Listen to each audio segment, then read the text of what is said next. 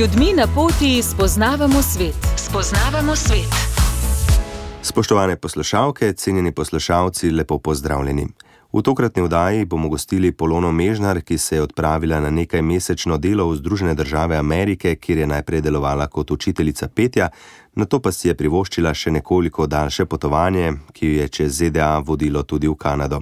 Vabljeni, da v prihodnih minutah ostanete v najni družbi in izveste kaj zanimivega o tej izkušnji. Polona, lepo pozdravljeni. Živijo. Kako ste sprejeli to odločitev za odhod v Združene države Amerike? Pravzaprav je bila ta odločitev res tako spontana in prišla je od nikoder. Pravzaprav.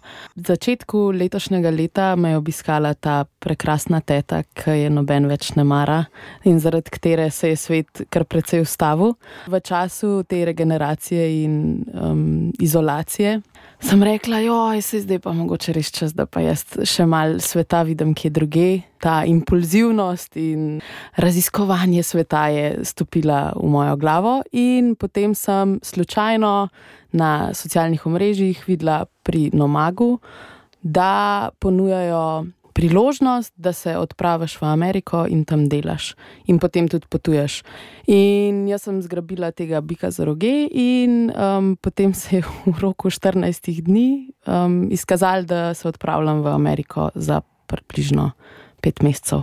Na začetku ste v tujini upravljali delo, kaj in kako je bilo s pridobivanjem dovoljenja? V bistvu je bil postopek meni mogoče malo lažji, kot veliki večini, s katero sem se pogovarjala potem kasneje na kampu, kjer sem delala. V bistvu je Nomago zelo pomagal pri tem, um, skozi čez cel postopek so mi stali zelo ob strani in so v bistvu za kjerkoli vprašanje bili tam na voljo skozi.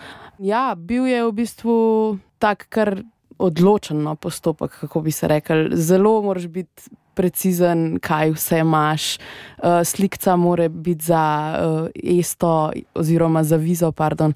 Tok in tok velika, take in take oblike, ne sme biti drugačna, ne smeš imeti očal gor. Tako, take mehne, drobni tiski je v bistvu kar potrebno brati, predvsem v postopku dobivanja dovoljenja za it tja. Uh, Eh, pa ki laža za na avion, pa na kjermo avionu boš, pa kako boš letel. Tako se moraš kar poglobiti, kar je za človeka, kot sem jaz, ker je bolj, dajmo improvizirati tak tip človeka, kar taka izkušnja. No. Eh, kaj ste pa delali tam? V bistvu sem bila v poletnem kampu French Woods Festival of Performing Arts in tam sem bila učiteljica petja tri mesece um, mnogim, mnogim otrokom. Um, različni kampi in poletne šole so pri američanih zelo priljubljene. Zakaj? Se mi zdi, da zato, ker veliko staršev teh otrok dela uh, non-stop, torej brez prestanka 24 ur na dan. In to je ena možnost za otroke, da bolj aktivno ali pa zelo intenzivno preživijo svoje poletje. Tako da se lahko tudi še izboljšajo v svojih talentih, ki jih definitivno imajo. V zvezi z američani obstaja kar nekaj stereotipov o tem, da so patrioti nerazgledani, močnejši, oziroma da se ne prehranjujejo zdravo, da ima praktično vsako orožje. E, kakšna je vaša izkušnja v zvezi s tem in kaj drži za njih? Definitivno v tako veliki množici ljudi, kot je tam v Ameriki, tudi najdeš, seveda, take stereotipe.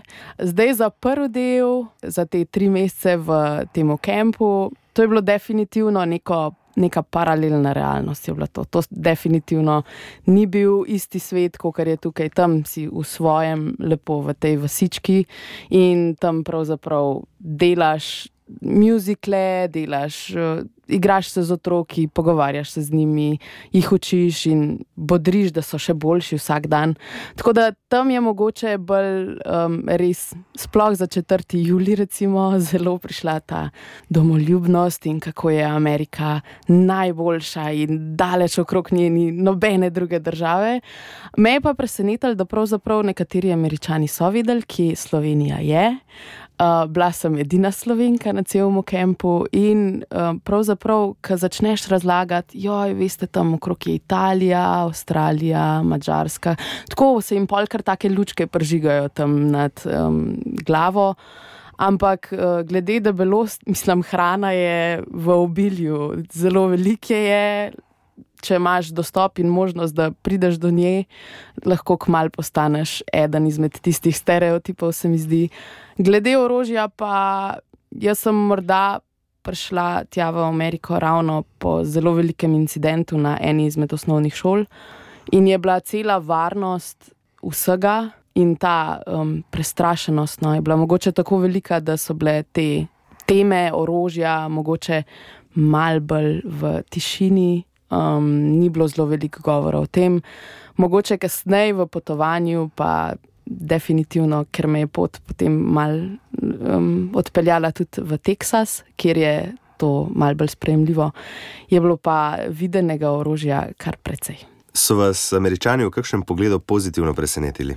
Definitivno so me, ker sem bila kar um, navdušena no, nad temi američani. Presenetili so me v mogoče v meri talenta, ki ga imajo. In pol tudi v meri zavedanja, kako močno morajo vsem delati, da ta talent ohranjajo oziroma da ga še večajo. To je bilo mogoče tako. No. Prvič, da sem bila tudi v tako intenzivnem okolju in da so bili, vem, inštrumente, da so vadili od jutra do večera in da se niso naveličali in da je to kar trajalo, trajalo, trajalo.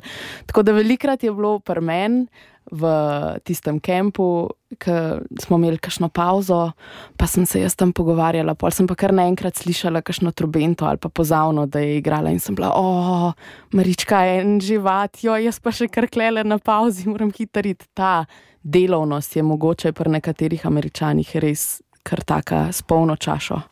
Podjetniki, ki delujejo na ameriškem trgu, pravijo, da je tam zelo težko uspeti, se uveljaviti in obdržati. Kako ste vi videli to podjetniško inicijativo? Omenili ste, da starši delajo od jutra do večera, da so zelo prizadevni za razvijanje različnih talentov. Ja, zdi se mi, da mogoče Amerika je taka. Dvorezni meč, bolj si ga jaz tako predstavljam. No, je zelo velik bazen, zelo velikih priložnosti, in zelo veliko možnosti imaš. Ne? Tam ni tako, kot kar tukaj, ki enkrat, ki poznajo tvoje ime, nekako, se pa nekako vedno lahko nekam priključiš. Ne? Tam pa pravzaprav se, ne vem, odpelaš pol ure stran, deset ulic drugam in te noben več ne pozna. Ne? Tako da hkrati je veliko možnosti in priložnosti za začetek novega življenja, pa da poskusiš nekaj novega ali pa da nekje probaš na nov pokazati svoje talente ali pa zmožnosti, po drugi strani pa to tudi so pomenka za zelo večjo konkurenco in za to, da vsi se hočejo dokazovati skozi. Res, veliko je tega, no, da te tekmovalnosti mogoče, uh, dokazovanja. Jaz bom boljši, definitivno tudi to, da je tam pravzaprav logično, da daš neko napitnino nekomu, ki upravlja neko storitev. Še ta ključni pomen, da še bolj želijo dokazati, da je njihova storitev oziroma talent res vreden vsega na tem svetu. V zvezi z življenjem ZDA se pojavljata dve pomembni vprašanji. Prva so socialne pravice, dostop do zdravstvene oskrbe, na drugi strani pa preživetje s plačo. Dobivamo neke podobe v Slovenijo, da številni, da lahko dostojno živijo, opravljajo več služb. Kakšna je realnost in kako so se v zadnjem obdobju spremenile socialne pravice? To je pa taka kar zanimiva tema, se mi zdi. Zdravstvo se mi zdi, da tam predstavlja en velik bav-bav in jaz popolnoma razumem, zakaj predstavlja velik bav-bav, ker je uh, vse zelo drago. Pravzaprav se mi zdi, da je to ena komponenta, ki dodaja k temu, da je da vsi govorijo, da je to ameriško življenje res stresno. Ker se mi zdi, da so skozi pod pritiskom, jo, če se mi bo pa nekaj zgodil, bom pa rabil tok pa tok denarja, da, ali pa bom mogel tok pa tok časa potem tudi odplačvati, a ne moj dolg, zato ker si bom zlomil roko, ker bom bil bolan, pa bom rabil mogoče ne vem. Inhalator ali pa nekaj. Tako da jaz sem enkrat slišala eno prigodo, kako je američan bil v Franciji in ga izbil avto, in je bil, seveda, totalno.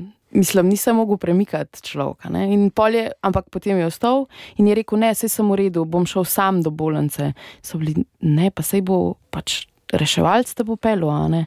ne, pa to je treba toh plačati. Pol so pa rekli: ne, sej tukaj je to zagotovljeno, in pol se je vlekel nazaj dol in je rekel, v redu, potem bom pa kar počakal rešilca. In to je nekako ta realnost tam. No. Glede zdravstva, je, to so take številke, da sem potem bila kar vesela, ker sem prišla v Slovenijo in sem šla lahko v lekarno in vzela nekaj za proti glavobolu. Ampak ja, je taka čist drug svet, kar se tega tiče.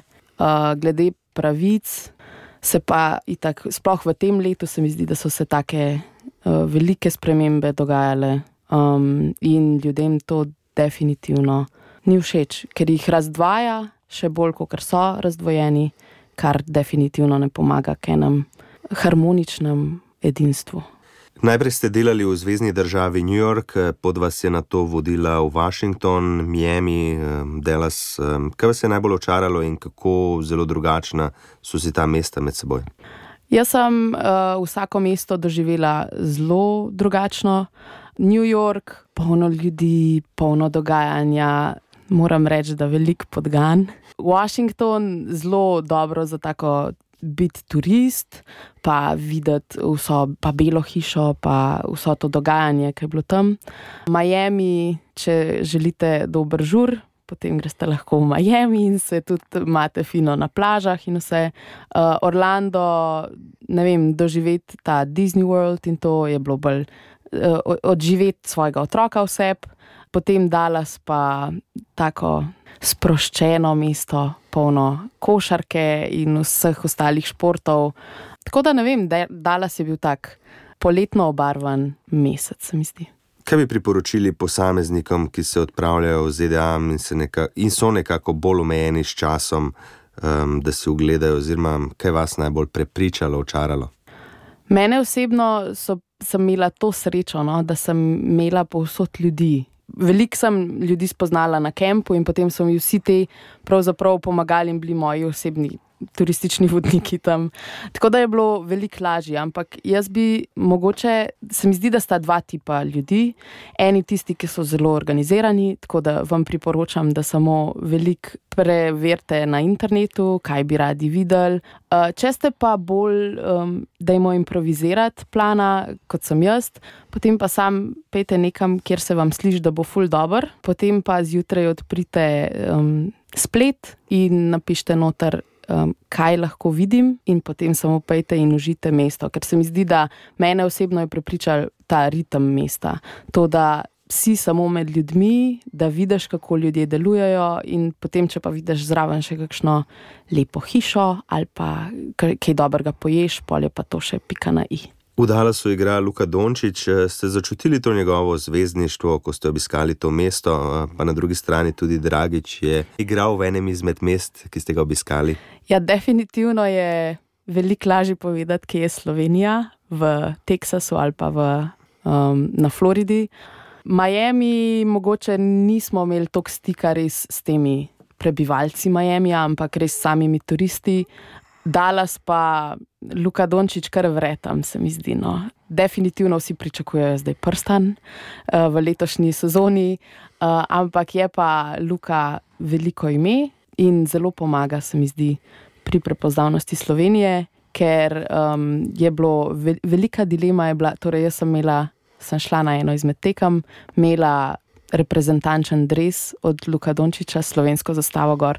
In je bilo kar nekaj ponudb, da bi pa ta dres kar kupili tam sred stadiona. Tako da so zelo veliki pripadniki uh, Luke in definitivno. Kdorkoli mal bolj spremlja košarko, definitivno ve, kje je Slovenija. Polona Mežnar, hvala za ta pogovor. Najlepša hvala. V današnji oddaji je to bilo vse. Če ste del zamudili ali bi prisluhnili še enkrat, vabljeni v audio arhiv Radio Ognišče, sicer pa hvala za pozornost in vabljeni, da še naprej ostanete v naši družbi. Z ljudmi na pot.